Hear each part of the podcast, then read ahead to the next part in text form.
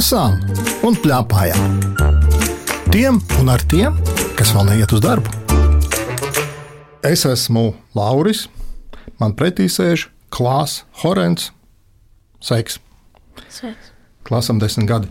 Lasīsim un plēpāsim pa divām grāmatām. Un pirmā grāmata būs plasmasas huligāni. Saki, lūdzu, tu zini, kas ir huligāni? Jā, Kā tu vari norakstīt? vandāļi, postītāji. Tas ieintriģēja, ka tu paskaties šīs grāmatas vārdu, kā plasmas huligāni, to es gribu lasīt. Jā, mazliet. Šīs grāmatas autori ir Agnēs Vanaga un zīmējumu zīmējusi ir Līva Ozola. Un uz grāmatas pāka ir šādi teikumi. Divi čiekurkalnu puikas sastopas plasmasas maisiņu, dusmu kuli, kurš ir ne tikai dzīves un runātīgs, bet arī pikts. Viņš ir izsviests mēslainē un nu mētajās pa ielām, pinas koku zaros, peld peļķēs. Kā gan izglābt pasauli no šiem plasmasas maisiņiem? Tev ir brālis? Jā. Kā ir starp citu, jo te ir divi puiši, kuri abi divi kopā ņemās. Jūs ar brāli ar tāpat par vienām lietām esat pārliecināti, vai jūs kaujaties? Arī dažreiz ir strīdi, bet uh, man šķiet, ka ir svarīgi, ka uh, ir ar kādu, kas ir tavā vecumā, kopā ar kuru tu vari dalīties savās domās, un tad jūs varat arī kopā piedzīvojumus meklēt. Pa plasmas maisiņām esat kādreiz runājuši ar brāli? Mm, mēs abi esam izlasījuši un arī esmu locījuši. Kas Aha, tagad tu jau atklāji tos noslēpumus, kas ir tālāk. Jo kas tad ir tālāk?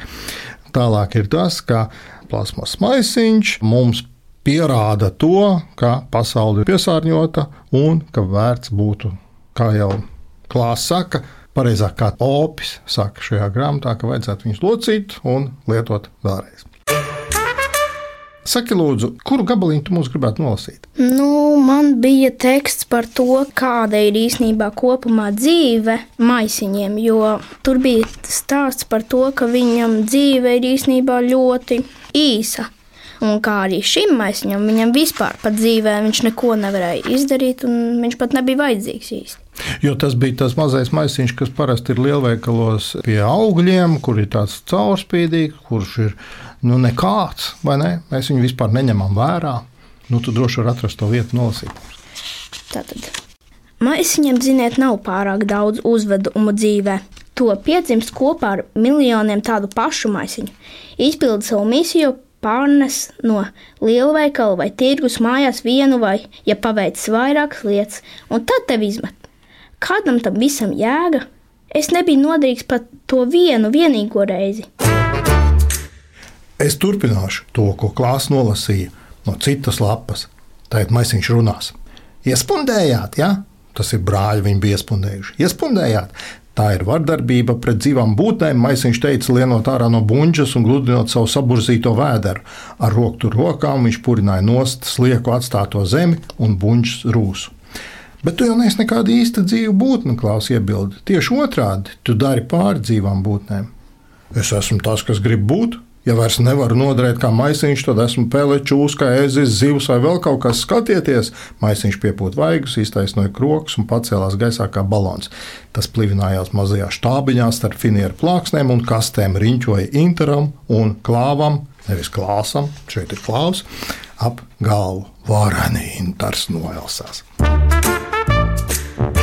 Saki, lūdzu, kā jūs mājās ar maisiņiem? Tu teici, jūs locījuši esat, ja? Mm -hmm. bet varbūt ir vērts vienkārši veiklā neņemt viņus. Mēs to cenšamies darīt, jo mums maisiņu kādreiz bija tik daudz. Nu. Mums arī tagad ir, un mēs neņemam vairs. Mēs esam sakārtojuši tā, ka mēs tieši tā arī salokam, un tad mēs viņu saliekam kādā lielā maisā.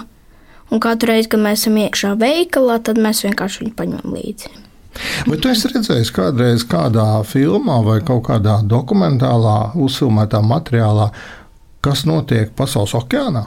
Mm, esmu mazliet, jā, kā piemēram, vaļiem ir degunos iesprūduši tie paši plasmasas Gan maisiņi, gan visādi tīkli, gan nav. salmiņi. Un ir veselas atkritumu salas, kas mums, kad mēs esam veikalā un ņemam to maisiņu, tad mums šķiet, ka nu, tā taču nevar būt. Tev kaut kas trūka šajā grāmatā, vai tev viss bija, jā, man der. Man šķiet, ka varētu būt interesantāk, piemēram, vecāki bija tādi nu, neinteresanti. Man gribējās tādus interesantākus, kas ir krāšņi vecāki, nevis tādi vienkārši. Kas ir krāšņs vecāks? Tāds pilns, kuram ir daudz hobiju, kurš pavadīja daudz laika ar bērniem. Un Tā. Te būtu stāstā jāiepina iekšā, vai ne? Būtu forši, ka vecākiem būtu hobijs, teiksim, iet makšķerēt, un tad izrādītos, ka tie maisiņi arī traucē to. Man gribējās vairāk. Tas neiedzības, to piesārņojumu, kas dēļ plasmasām notiek. Lai mēs varētu saprast, tas maisiņš ir nevis vienkārši smieklīga dusmu kule, bet viņš ir viens slepkavnieks. Mēs to tā izdarām, ka viņš kļūst par slepkavnieku. Starp citu, es lasīju šo grāmatu un atcerējos, ka tad, kad es biju tavā vecumā, plasmasas maisiņi bija nu, ļoti, ļoti liels retums. Veikalos plasmasas maisiņu nebija, un ja kāds no ārzemēm atveda plasmasas maisiņu, kur bija kaut kas uzdrukāts, tad tu biji ļoti bagāts un lielīgs cilvēks. Tu vari tam noticēt. Mm -hmm. Toreiz gan tos maisiņus pat mazgāja un lietoja. Nevis divreiz, nevis trīsreiz, bet simts reizes. Es pat atceros, ka kādreiz kādam dāvināja dzimšanas dienā maisiņš ar puķītēm uzdrukātām. Tā bija izcila dāvana dzimšanas dienā. Interesanti, ko tā mamma stāstīs par plasmasas huligāniem.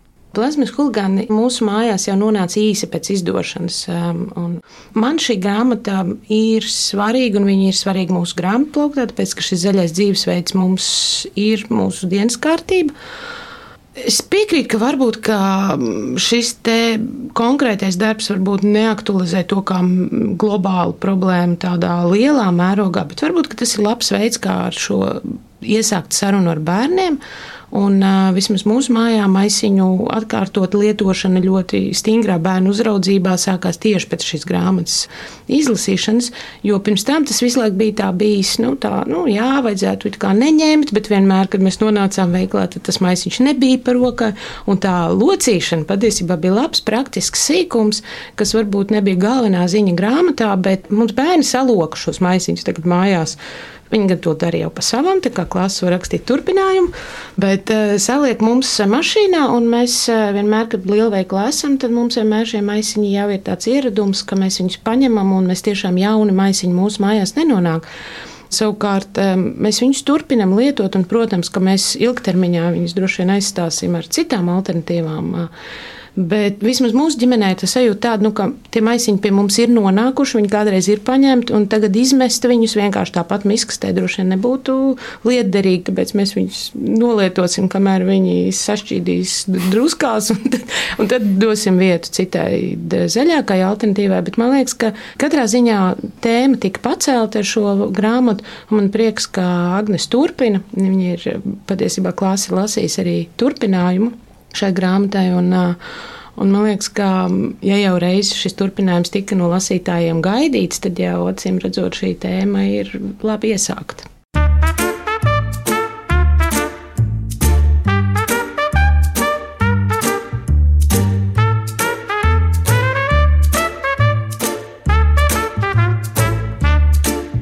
Lasām un plēpājām.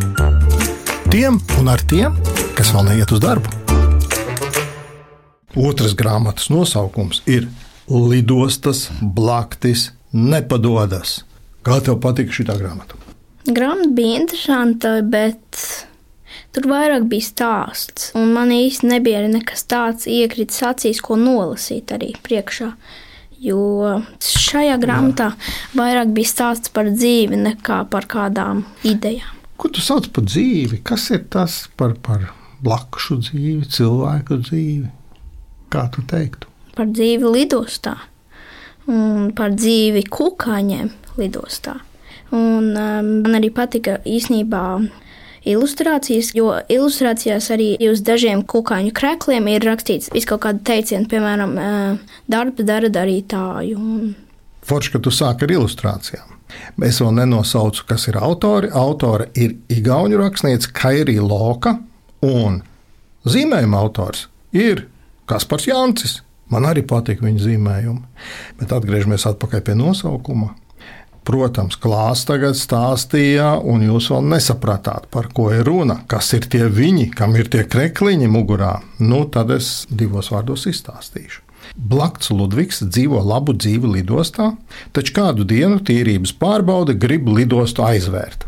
Apvienojoties ar citiem kukaiņiem, viņi sāk aizstāvēties, jābūt viltīgiem un ir jārīkojas.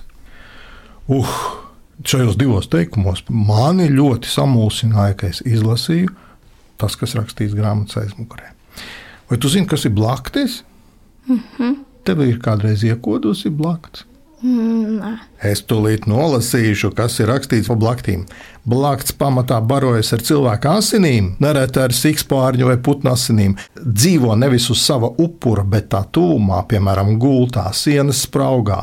Blakts visbiežāk novērojam vietās, kur pulcējas daudz cilvēku. Jauniešu kopmītnēs, viesnīcās, restorānos, kuģos, vilcienos, lidmašīnās un arī lidostā, tā kā ir šajā grāmatā. Bet tā var būt arī dzīvokļos un individuālās mājās. Bet ir viens labums. Turpat šajā aprakstā rakstīts, bet nav pierādījumu, ka gultas plaktas pārnēsat slimības, tāpat kā nav pierādījumu par pretējo. Bet var nosaukt kādu kukaiņu, tur bija vēl. Bija arī termīti, bija arī kodas. šķiet. Kodas bija, mušas, blusas vēl bija. Un tarakāni. Prusaks pats paskaidroja, ka tos sauc dažādās valstīs un dažādās valodās dažādi.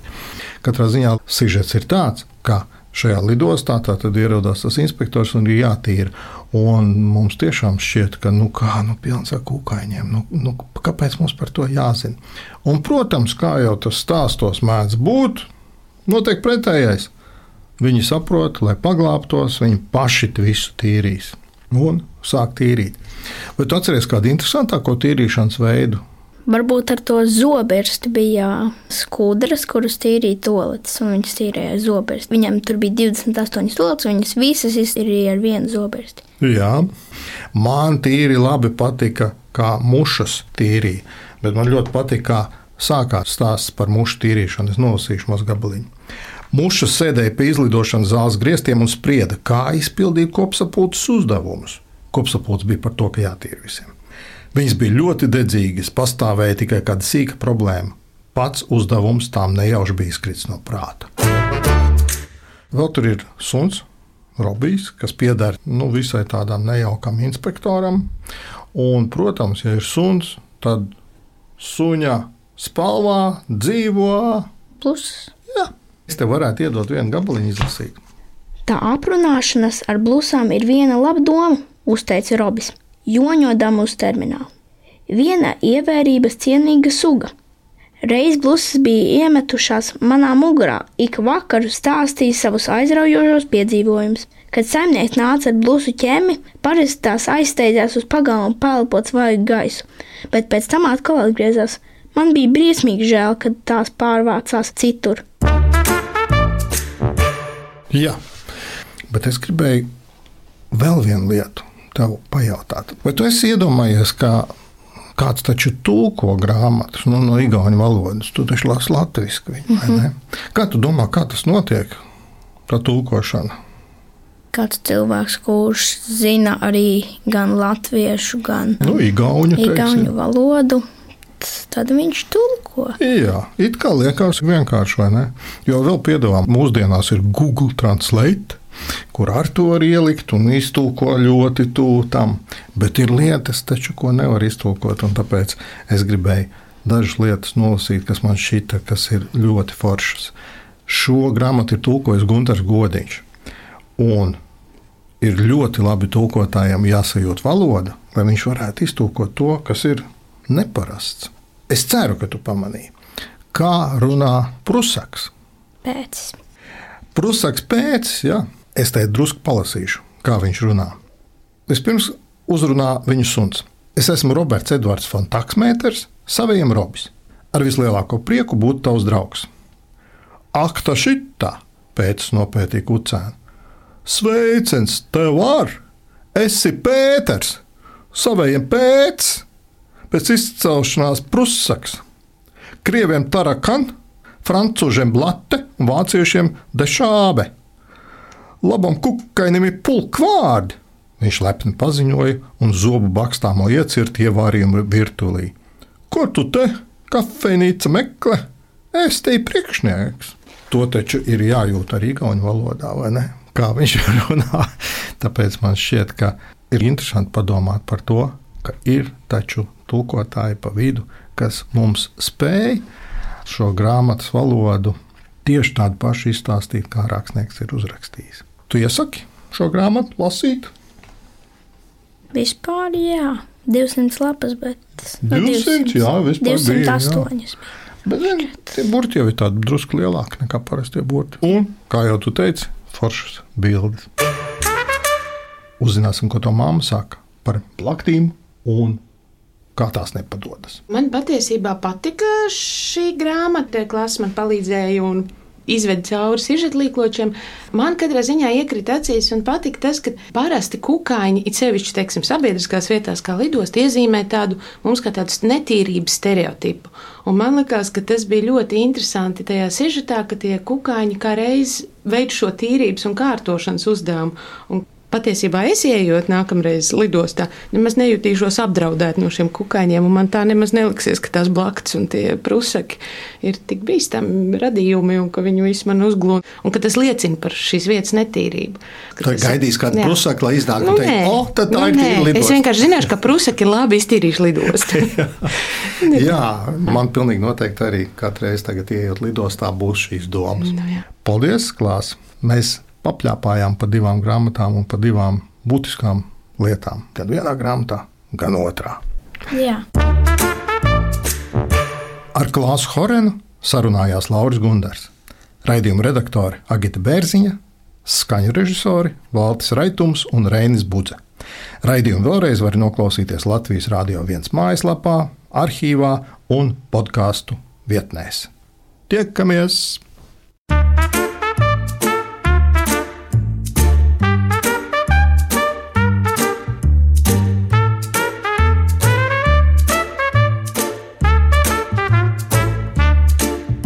Lasām un plēpājām. Tiem un ar tiem, kas vēl neiet uz darbu.